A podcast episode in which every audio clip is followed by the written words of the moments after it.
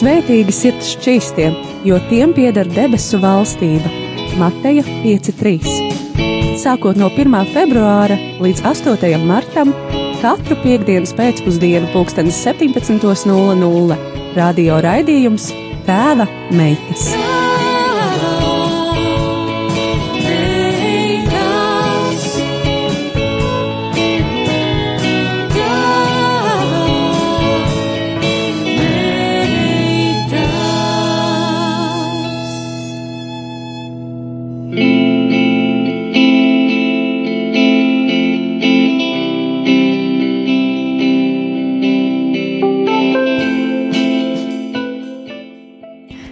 Labdien, mīļie rādījumi, arī Latvijas klausītāji! Ir 10. maija, tātad vasara jau tuvojas, saule jau spīd, un uh, ir silts laiks ārā. Un šodien ar jums kopā raidījumā tēva meitas būšu es Anī Palo, un atkārtoti jau trešo reizi pie manas ciemos ir divi kungi. Es Uģis, labvakar! Un es Kristaps, labvakar! Jā, lai gan ārā neizskatās pēc vakara, bet ir jau vakars, un esam kopā ar jums šodien šeit. Un kā jau arī ierasts, šī raidījuma, varētu teikt, sēriju cikls uh, saucās Cilvēks vērtība uh, sieviete. Tātad mēs tieši vairāk runājam par sievietes vērtību, par to, kā Bībelē ir aprakstīta sievietes vērtība, kā dievācīs, eh, kāda ir sievietes vērtība, un šodien tad arī vairāk par to un uh, mazliet dziļāk arī runāsim. Vai tā ir taisnība? Pilnīgi, absolūti taisnība. Jā, protams. Un, un tad šajā brīdī es jums dodu vārdu. Paldies!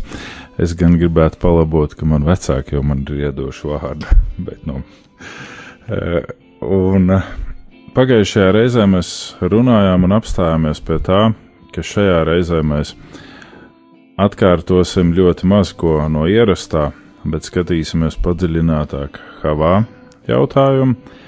Un pirms tam viens mazs atgādinājums. Mēs runājām par to, ka vīrietis ir saule un sieviete ir mēnesis. Un ne, jā, un ne tikai kā, bet uh, ir tas viens ebreju mutvārdu stāsts par saules un mēnesi radīšanu, ka iesākumā, ko mēs arī iepriekšējā raidījumā skatījām, ka iesākumā Dievs bija radījis divus vienādu lielumu spīdekļus. Viens valda pār nakti, viens pār dienu, un tad mēnesis devās pie Dieva un teica: Dievs, bet kur ir tā tava? Gudrība, varenība, ja mēs pilnīgi vienādi ar sauli esam. Un Dievs padomāja un teica: Jā, mēnesis, tev ir taisnība. Kļūsti otrais. Un mēnesis apvainojās un teica: Dievs, vai tu tā vienmēr rīkojies ar tiem, kas tev pasaka taisnību acīs? Un tāds apvainojies mēnesis devās tālāk. Un pēc kādām dienām mēnesis atgriezās pie dieva atpakaļ teica Dievs, es apdomāju šo tevis teikto patiesību, jeb ieteikumu, es kļūšu otrais. Un Dievs teica, mēnesi, tāpēc, ka tu šo izvēlējies, tavu gājumu pavadīs zvaigznes, kas ir daudz lielāks par sauli. Un eh, šo, šo patiesību mēs redzam gan ģimenē, gan arī, ja sieviete paliek viena, viņu pavada zvaigznes. Mēs, piemēram, zinām Kalkutas Terēzi, māte Terēzi. Nu, reāli visur, katrā pasaules stūrī par viņu zina un runā par viņas darbiem, ko viņa ir veikusi, un tas bija arī viens no aspektiem, ko mēs pagājušajā raidījumā aizskārām. Ja arī šai sievietei nav jākļūst par sievu, par bērnu radītāju, jeb dzemdētāju, ja viņa paliek šajā havā statusā, par ko mēs šodien vairāk runāsim, viņu vienalga pavada zvaigznes, un vīrietis bez dieva ir kā tā agresijas pilnā saule, kas vienkārši caur atmosfērai dedzina visu, izkaltē. Ne? Jā, jo nu, psalmi saka tā, ka uh, Dievs radījis ir sauli, kas pati zina savu gaitu un mēnesi laika noteikšanai. Un, un ir komentāri, kas saka, jā, nu, ka saule viņa pati tā kā, nu, kā iet, tā, tā iet. Uh, bet mēnesis, viņam ir savs laika, nu, laika cikls. Jā, pēc un, mēneša jau mēs nosakām laiku un kalendāru, ne jau pēc un, saules. Vispār jau tā ir tāda nu, ārkārtīgi interesanta līdzību, un, un, un senie jūdi jau mācīja ļoti interesanti šajās līdzībās, pasakās, agadās. Jā agadiskajos stāstos izteikti ārkārtīgi dziļas gudrības. Viņas, protams, jāmāk ir nolasīt. Jā. Mums, ja tā burtiski vēlamies to saprast, tad tur, protams, var sanākt kā tam mēnesim, ka mēs tur apvainojamies, kurš pirmais, kurš otrais, un tā arī cilvēkiem ģimenēs, ja kas notiek, kurš tad tagad ir tas galvenais, vai tas kakls, vai tā galva, un, un tā tālāk.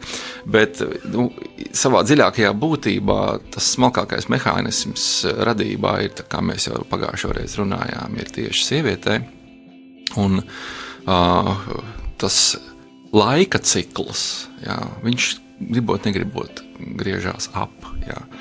Un šī iemesla dēļ sieviete, viņai visi šie trīs aspekti, jā, Nekevā, kas nosaka pašu sievietes personību, šā, kas nosaka kā viņu kā sievu pret vīru, un Havā, kas ir tas trešais dzīvību dodošā.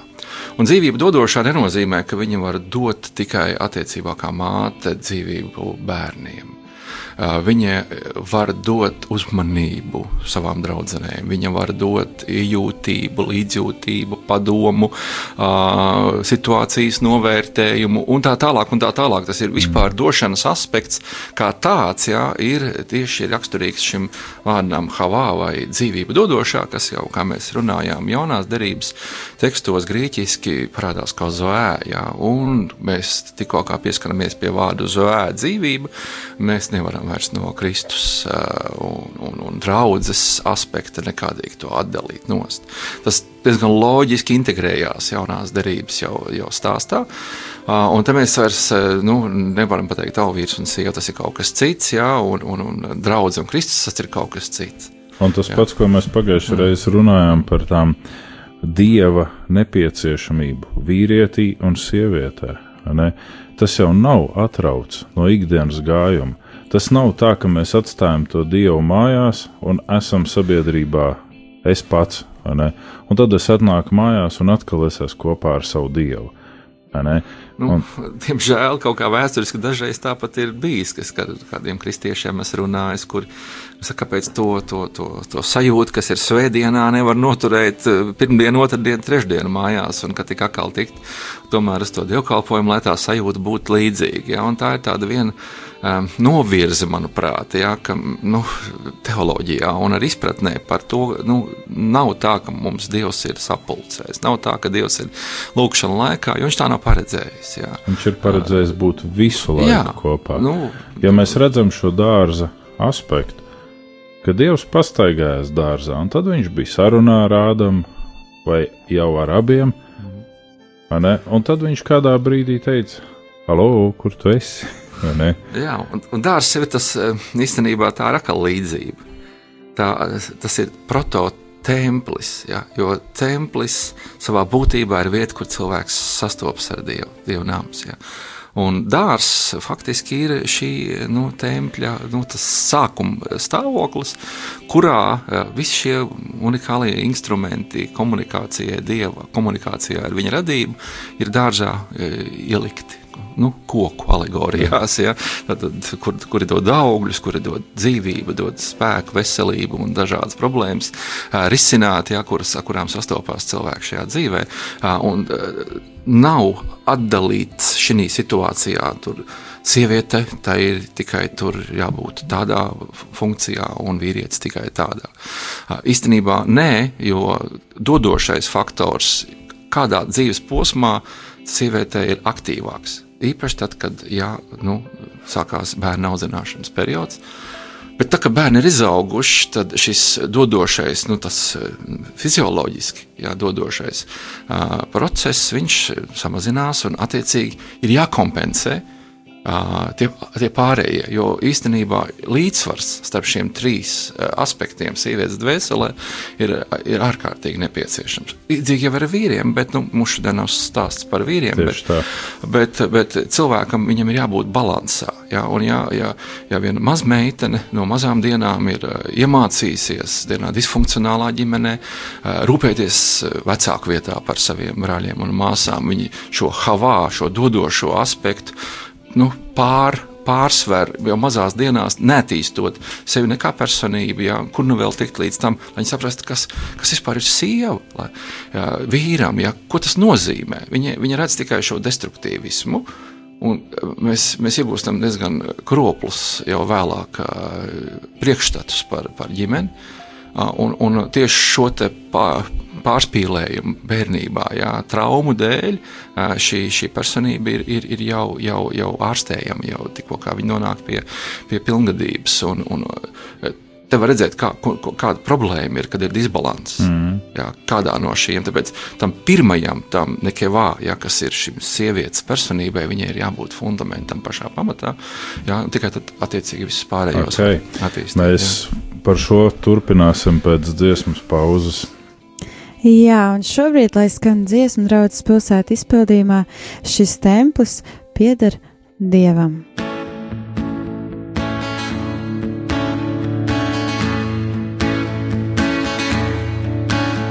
Šis templis pieder Dievam, šis templis pieder Dievam, viņš te ir kungs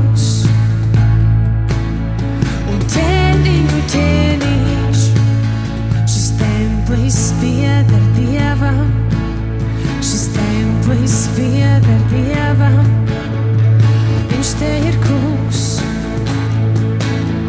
Un ķēniņu ķēniņš, te būs mieram pastāvēt, te būs priekam pastāvēt, tie ir mājas mīlestībai cerībai,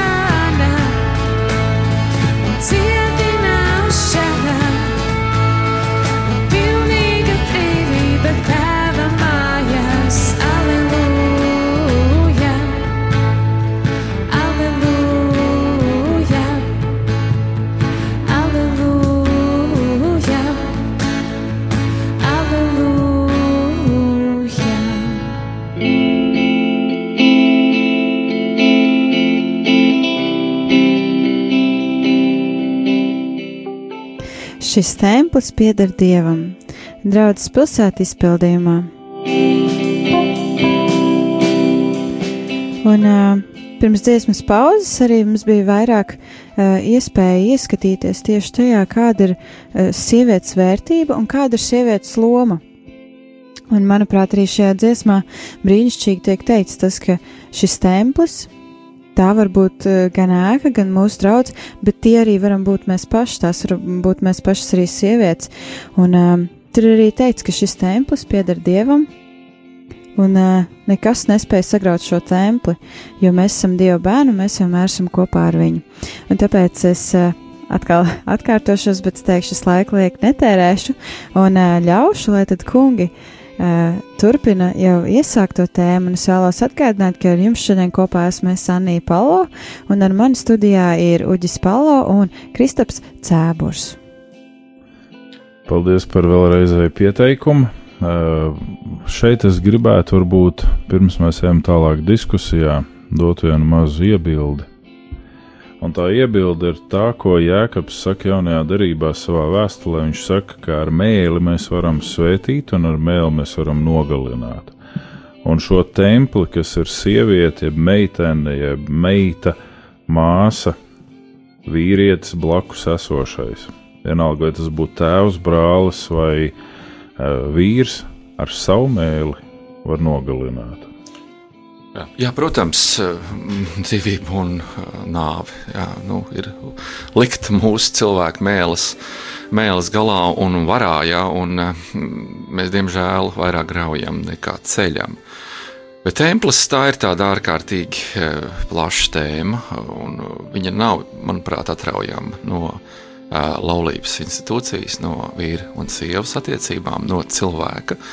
Un vispār cilvēks savā nu, daudzveidībā, kāds viņš ir radīts, jā, savu dvēseles nu, funkcionālo nu, plašumu, jā, ko Dievs ir ielicis tieši lai šī tempļa funkcija cilvēkā darbotos. Un, Templī ir nu, dažādi trauki, saka Pāvils. Jā, tur godam, negodam. Tur nu, varbūt tas tāds ļoti nu, parupšs tulkojums.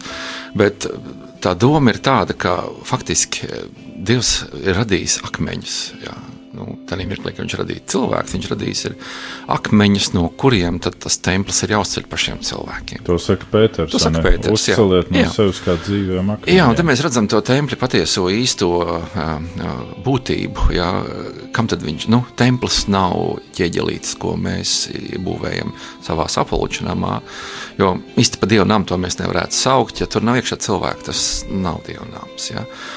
Dievnams ir tad, kad cilvēks ir gatavs dzīvot saskaņā ar Dieva gribu savā dzīvē, un šo gatavību viņš var realizēt. Tā, tas ir tas Ādama ceļš, kas viņam bija jānoiet no tā mirkļa, ka viņš kā labs atbilstoši tam nolūkam, kādēļ viņš ir radīts. Viņam vajadzēja noiet līdz tam satikšanās mirklim ar šo balsi dārzā, jā, jo, jo Viņam bija jākļūst par šīs godības nesēju pilnā mērā līdz mirklim, kad atvērsies, atvērsies Dievs viņā. Ja. Tas nenotika. Tas nenotika un pasaulē gāja tajā vēsturiskajā un visā lielajā grēka valstības, kā mēs to sakām, kristīgi procesā. Bet iesākumā Jēzus saka, tā nebija domāts. Dievs tos radīja nu, kā vīru un sievu, un viņš min ja, faktiski šo sarežģīto vārdu, kas ir apzīmēts ar grieķu tekstā, ar ktīzo. Nu, kā mēs zinām, Pāvils saka, ka Jēzu Kristu tie ir jauns radījums vai jauna radīšana, kā to var tulkot, kainektīsis. Jā. Jauna radīšana ir saistīta tieši ar, ar, ar, īstenībā, ar, ar, ar šo noslēpumu, kas ir ielikts ģimenē, jo vīrs dod mājienu. Jā, tā ir zīme par to, ka Dievs ir avots visam, Un savukārt sieva uh, ir zīme un dod mājienu to, kā, kā Dievs vēlās atklāties uh, savā, savā draudzē, uh, eklezijā, jā, un uh, to mēs caur Kristus darbu attiecīgi varam lasīt evaņģēlijā. Uh, un te viss kļūst daudz sarežģītāk ar vīru un sievas attiecībām, jo mēs redzam, ka ir tāds jau iepriekš nolemts um, uzdevums. Uh, vīram un sievai, vīrietim un sievietei atklāt dievu godību. Un šis uzdevums ir iedots cilvēkam ar mērķi, ja tas pirmais ir augļojoties, ok, mēs to varam saprast fizioloģiski, Tas otrais ir vairojieties, ko var saprast arī pavairojiet mani sevī. Jā, tas ir Dievu sevī. Kā to izdarīt? Tas ir mazliet no tās teoloģiskās daļas, ko laikam Karls Barts runā par dievu cilvēciskumu. Ka vienīgais brīdis, kad dievu var pavairot, kad cilvēks izvēlās kļūt aizvien līdzīgāks Kristum. Nē, Jā, protams, bet viņam jāapzinās, ir, ka šis uzdevums viņam ir dot, cilvēka eksistences jēga. un ne jau tā pasaulē. abreviatūra. What would Jesus do? Nē, Ir tas, nē. kā es pielīdzinos. Jēzum. Viņi grib saprast, ir, nu, man priekš tā ir dot visu dzīvi. Jā, cilvēkam priekš dieva gribas saprašanas ir dot visu dzīvi. Mēs piedalāmies sakramentos, mēs piedalāmies kopībā, draudzes dzīvē, bet tas ir process, kurā mēs atklājam dievu gribu, kādu tad viņš mūs vēlās redzēt. Un nožēlojams tas cilvēks, kurš cer uz Kristu tikai šī dzīvē. Pāvils saka, nu skaidrs, ka mums ir Jā. arī, arī tā kā tāda nosacīta predestinācija attiecībā uz augšām celšanos, uz, uz kaut ko, ko mēs zinām diezgan maz, bet tā ir mūsu daļa no mūsu ticības. Bet uh, laulības institūcija, viņa šos noslēpumus, uh, nu, tā ir kvintesence ja, šim, šim, uh, šim dieva noslēpumam. Tāpēc arī efeziešiem nekautrējoties, Pāvils saka, tas noslēpums ir liels. Jā, nu, noslēpums tas skan baigi forši jau uzreiz. Nu, cilvēks gribētu zināt, nu, pastāst man noslēpumus. Nu, es pastāstīšu, bet tas kaut ko maksās. Ja? Tas kaut ko maksās pašam cilvēkam, ja, jo nu, šo procesu nevar eh, nu, garām ejot. Ja? Tas nav lielveikalā nopērkams produkts, ja? pat ja viņš ir eh, pieejams eh, finansiāli. Ja? Tad, kad mēs skatāmies uz to dzīvības dodošo, mēs visu šo brīdi esam runājuši par šo dzīvības radīšanu, dzīvības došanu. Ir divas lietas, ko es gribētu, varbūt, ka mēs apskatām. Pirmā lieta ir, ja mēs kā cilvēki no sevis kā dzīviem akmeņiem būvējam templi, tad maskulīnā sabiedrībā, kas izceļ tikai vīrieti, tas templis ir ar caurumiem sienā. Nu, es pat gribētu teikt, ka tas nav īsti templis. Tās, tas varētu būt stāsts par templi, stāsts par to, kā viņu vajadzētu būvēt, jā, vai tas ir kāds projekts, nu, skiču līmenis, jā, kurā nu, ārkārtīgi daudz detaļu iztrūkst. Jo mēs beig beigās nonāksim pie vēl tālāka procesa, saprotot, kas tad, kas tad ir tie akmeņi. Kas tad ir sievišķā un kas tad ir vīrišķā puse? Jo tad būtu jāmin, jāmin piemēram, būtu diezgan populārā jau baznīcas tēva laikā raksturvieta no Jeremijas ā, 31.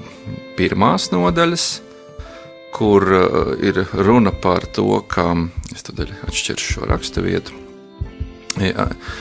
Par viņu strīdās ļoti daudz, gan no rabīniskās eh, puses, gan no, no, no kristiešu puses. Bet tur ir tā, ka es to vienkārši. Tas, tas teksts jaunā tulkojumā skan tā, cik ilgi vēl mīņāsies atkrit, atkritusī meita. Šai zemē kungs jau devis citu sievu, kas prot aptecēt vīru. Un tas ir tāds ārkārtīgi brīvs tulkojums, jā, kuram ir apkārt arī nu, septogīns grieķu teksts nedaudz arī citu ainu rāda, bet tā galvenā doma ir tāda, ka, nu, ja tā burtiski tulko no grieķu teksta, tad ir, jo radījis ktīzo, tas, tas jaunais radīšanas vārds, kungs glābšana ar jaunu stādu, kas ir šis sievas jaunās, nu, eklezija apzīmējums, līdz glābšanai tosies tā otra puse vīri, jā, tad, tad ir kaut kāda samierināšanas um, funkcija šajā Kristus darbā, kas samierina divas puses. Jo, mēs zinām, ka viņš ir mediātors. Jā. Jā. Viņš tādā vārdā grieķiski nosaukts ebreju vēstulē Kristus. Jā. Un samierināt, viņš samierina no sākuma dievu ar cilvēkiem. Viņš samierina vīri, vīrus ar sievām, vīriešus ar sievietēm. Nu, tīri dzimuma kontekstā, ģimenes kontekstā. Viņš samierina Izraēlu un tautas. Ja. Un faktiski tas noslēpums viņš neviļus pārņem pilnīgi visu sociumu, kādu mēs varam iedomāties. Un, mēs, no, un tas viss atvasinās tikai no, no, faktiski no vīra un sievas attiecībām. Ja. Un sieviete kļūst par glābšanas uh, instrumentu dievu rokās. Jā, tas ir tas, ko no šī Jeremijas raksturvietas var saprast. Ja principā mēs redzam gan fiziski sievieti kā glābšanas instrumentu, un tā ir Marija, jā. ar kuru Jēzus ienāk jā, pasaulē. Jā. Un uh, mēs redzam arī citur Bībelē, jaunajā darībā, šo izteiksmi par sievieti, kura caur savu ticību ir atgūst savus mirušos. Ebreju vēstules Jā, jā. 11. nodaļa. Tur nav teikts, ka vīrietis, bet sieviete. Jā, Un par to samierināšanu, ko tu teici, tur ir tas aspekts, ka, ja sievietei un vīrietim nav dieva viņos, tad mums nozīmē, ka ir jābūt mediātoram, mm. jeb tam, kurš samierina, jā. jo tad ir šī dedzinošā uguns. Pretējā gadījumā jā, notiek cilvēks iznīcināšana. Jā, Tā. ir. Jā. Jā. Ok, šobrīd dziesmas pauze. Jā.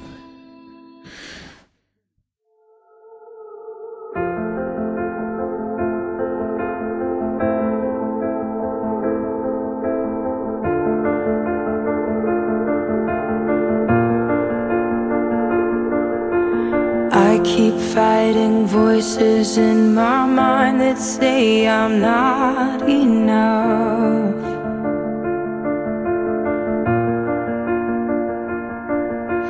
Every single lie that tells me I will never measure up.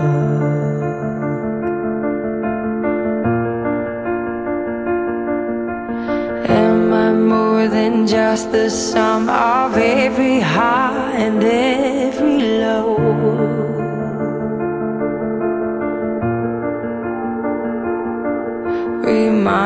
once again just who I am because I need to know.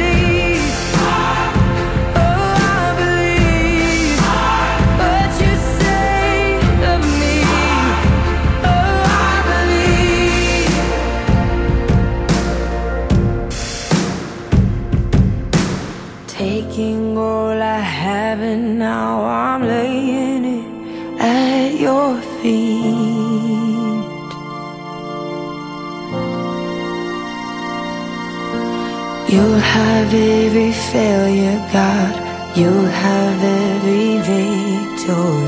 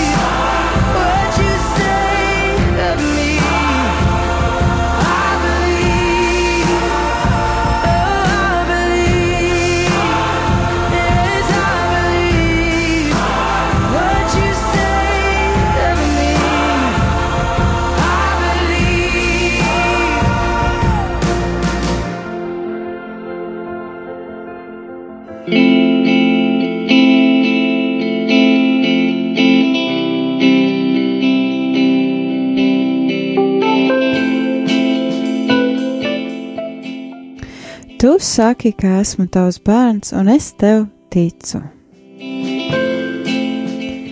Uh, nu jau pēc uh, dziesmas pauzes esam atpakaļ raidījumā Tēva meitas, un ar jums šodien kopā esmu Anija Palo. Un pie manis ciemos studijā šodien ir e, divi, nu jau varētu teikt, daļa no raidījuma kungi - Kristaps Cēburs un Uģis Palo. Labdien! Jā, labdien vēlreiz!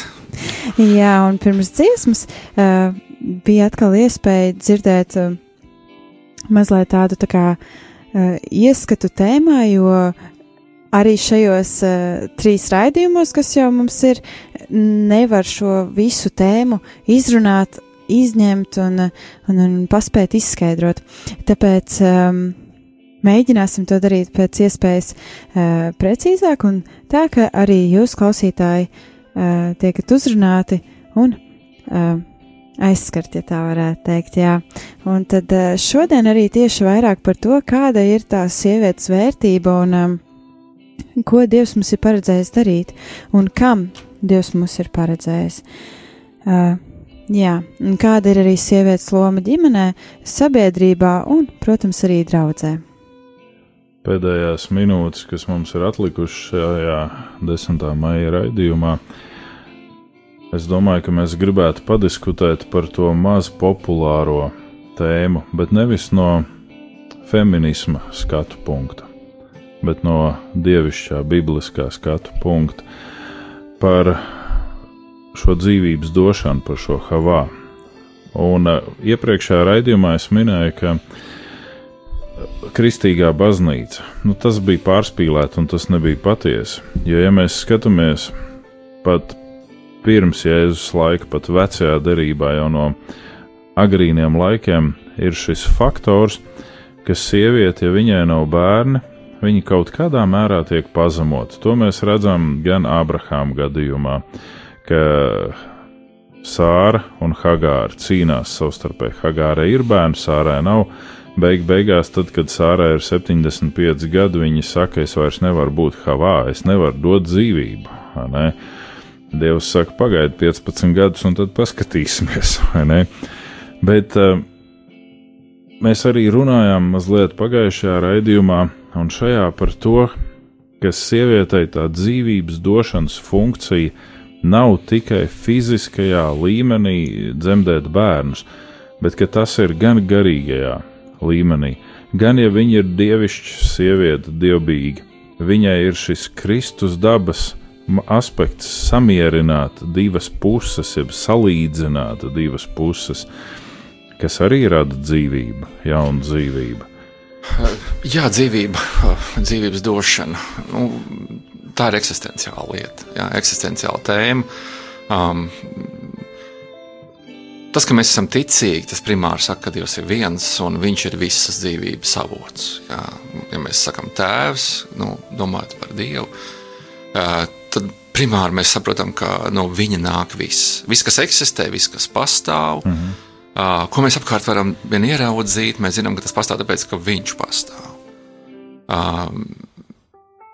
Mono, tas, tas ir monoteisms. Uh, mēs zinām, ka Dievs ir viens. Ja mēs sakām, ka kaut kas pastāv ne tāpēc, ka Dievs pastāv, bet pastāv pats par sevi, tāpēc, ka kāds cits pastāv, tad mirklī mēs no šī monoteisma pamata idejas ja?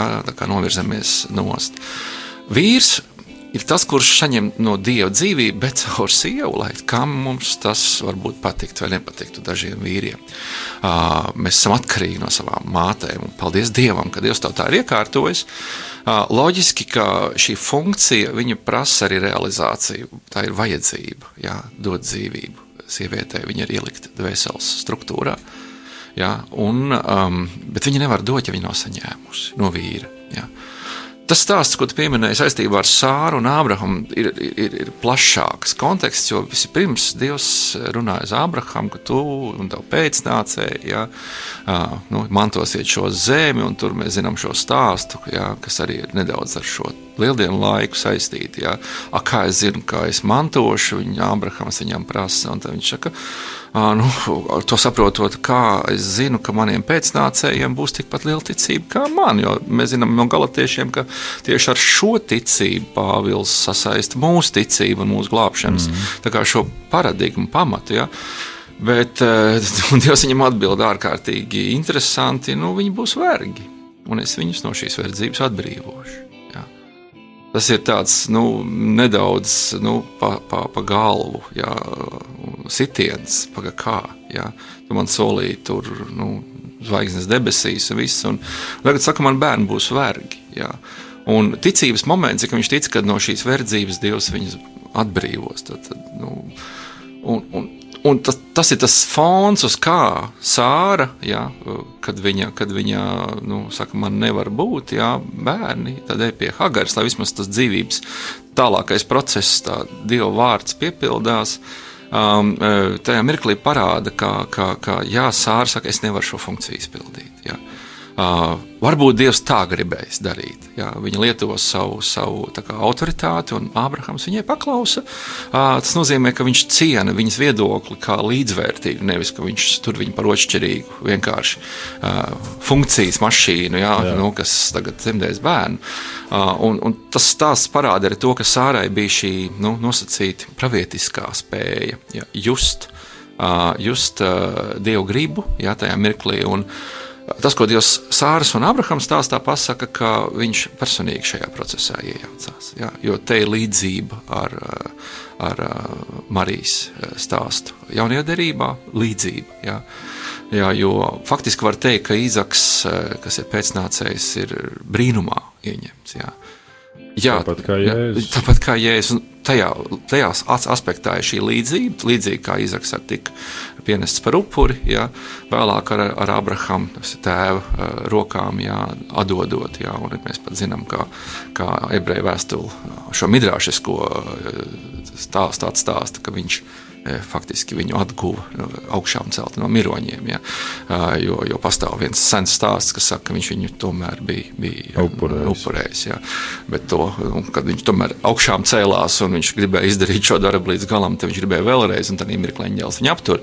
Bet tie, tie visi ir seni, seni midrāši, ja, kuru, kuru nu, nav jāuztver burtiski, bet tā ideja, ka dzīvība tiek dota caur māti, caur sievu, ir, ir ļoti būtiska. Jā, jo tas nodrošina ko dzīvības aprits kārtību. Jā. Dievs, jā, tālāk vīrs, tālāk sieva, tālāk bērni, un atkal cikls iet uz riņķi. Mēs redzam, ka, ka, ka šis aktīvā un pasīvā jā, nu, došanas, dzīvības došanas princips, dēļ viņa mēs šodien sēžam šeit un runājam un pasaule turpina iet uz priekšu. Un, uh, To nevar nenovērtēt. Jā. Tikai pateicoties tam, ir ķieģeļi, tepat, nu, no kuriem ir potenciāls uzcelt namu, un šī namu celšana ir cilvēku atbildība. Jā, jo cilvēkiem ir jātiecās pie Dieva. Uh, Dievs ir izdarījis visu no savas puses, jā, lai cilvēks savukārt uh, nu, nu, pieliktu piepūli no savas puses. Tā kā glābšana nav gluži tāda statiska, ka vienreiz kaut kas notika. Nu, viņa notika, lai tālāk tas nams tiktu uzcelts, ko Pāvils arī ir saka. Jā, kā... Tas, ko mēs redzam arī jaunajā darbā, tajā pat Pāvila darbībā un citur, ka šīs dzīvības radītājs, jeb sniedzējs, sievietes, ir kalpošanā visur ap cilvēkiem. Mēs redzam Jēzus kalpošanā to, ka sievietes kalpoja. Gan galdu klāja, gan savādāk kalpoja, gan ar savu pravietisko kalpošanu piedalījās. Un reizēm tā sāpe ir, ka mēs vēl joprojām neļaujam šīm meitenēm attīstīties. Mēs, mēs pārprotam vienkārši. Man liekas, vēsturiski pa lielam vīrieši vienmēr ir pārpratuši rakstus. Un, nu, mēs zinām, kas, kas bija pirmās liecinietes. Sievietes, jā, Marija. Jā. Uh, pie Jēzus kā augšām celšanās dienā. Nu, Marija mēs, Magdalēna. Marija Magdalēna. Pāvila evanģēlijā, nu, kas izklāstīts 1. korintiešiem 15, mēs lasām, ka viņš no sākuma parādījies ir kēfam, un nekur nav minēts sievietes. Un, nu, tas pirmais secinājums, nu, Pāvils ir tāds kārtīgs šovinists, kurš, kurš nemīl sievietes, un viņš nepiemina savā evanģēlijā, ka tomēr pirmās ir bijušas um, sievietes, kas varētu liecināt. Bet tradīcija, kas vismaz nāk no tiem laikiem, saka, ka um, jūdi neuzlika par pienākumu nest juridisku atbildību par liecību sievietēm, tāpēc ka tā ir pārāk smaga nasta. Nu, garīgi tā ir smaga nasta. Un tas tā nav, tā, tā nav diskriminācija, bet tā ir tieši nu, tā funkcija sievietei cita, un, un tai funkcijai nu, viņa ir daudz smalkāka, viņa ir daudz nozīmīgāka tieši tajā iznākumā. Un es to, to vienkāršo liecības nodošanas funkciju, nu, tad priekš tam ir kēfa. Ja. Tu to izpildi. Un, un, var to pārprast, var teikt, nu, viņi nicina sievietes. Ja. Bet, bet var to arī saprast, jo īstenībā tas, kas ir attīstās vēlāk, tāpat kā Abrahams, Sāru nu, taupīja. Ja, tā, nu, tā, kad atnāca trīs jā, jā. eņģeļi pie viņa, ja, viņš pats taisīja ēst. Ja. Viņš pasaka viņai, lai viņa taisītu, bet beigās viņš uztaisīja pats. Ja. Un, un, un ir kāda stāsta, kas saka, ka tajā mirklī sārai atgriezās dzīvības uh, cikls, un viņa varēja ieņemt un, un, un dzemdēt. Jā, ka viens no eņģeļiem atnesa viņai šo nu, dieva sūtīto ja, spēju kļūt par māti. Un tāpēc viņa tajā mirklī atturās no ēdienas sagatavošanas, jo viņai ir vājuma mirklis. Ja. Un Ābrahams uzņemās pats šo funkciju, viņš piesadz un, un, un izpilda visu. Mēs redzam, ka tur ir tāda loģiska nu, mīlestības aina, ģimeniska, ja, kas parāda, ka nu, kalpošana mums ir kopīga. Un nav te svarīgāku, mazāk svarīgāku. Ja. Es tur neesmu lielāka galva par tevi, tur, kas neesi galva. Ja bet ir, ir nu, kopīga mērķa sasniegšana. Un, ja to nepazaudē, ja tad ir šis mērķis, tad ģimenei ir viegli pastāvēt, jo mēs saprotam, ka mēs esam kopā, bet kāds no augšas mums ir devis šo iespēju. Tas jau, ko mēs vienā no raidījumiem pieminējām, ka tā patiesā dievišķā vēlme ir nevis, ka mēs skatāmies viens uz otru attiecībās, bet ka mēs skatāmies kopā vienā virzienā. Mm -hmm, tieši tā, jā. Un pie tā mēs arī paliekam, lai Dievs svētī mūs, un ar kādu skaistu mūziku mēs beidzam, un ja tas kungs vēlēs, mēs tiksimies ceturtajā raidījumā tēva meitas. Paldies jums! Jā. Jā, un kungi jau arī paspēja mazliet manu teikumu, beigu teikumu jau pateikt, bet es vēlos atgādināt to, ka ar jums šodien kopā bija es Anī Palo un man ciemos bija Kristaps Cēburs un Uģis Palo. Un kā mazu reklāmu es vēlos teikt, ka nākamajā reizē tiekamies tajā pašā laikā, tajā pašā vietā, Radio FM 97,3. Un ar mani kopā runās uh, mana māsa, kas šobrīd arī studē ASV, un viņa vairāk tieši runās par šo sievietes nozīmi un to, kā būt sievietei ārzemēs, un uh, vai tur kaut kas atšķiras, un, un, un jā, un kā atrast savu vietu, un kā nepazaudēt dievu šajā visā plašumā. Bet par to nākamajā reizē. Un es vēlos atgādināt, ka jūs arī mūs droši varat klausīties uh, Rādio Marija Latvija arhīvā. Un, jā, tad jau uz tikšanos nākamajā nedēļā.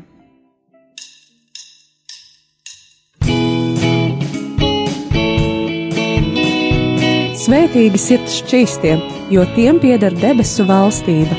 Mateja 5.3. Sākot no 1. februāra līdz 8. martam katru piekdienas pēcpusdienu, pulkstenis 17.00 radio raidījums Tēva meitas.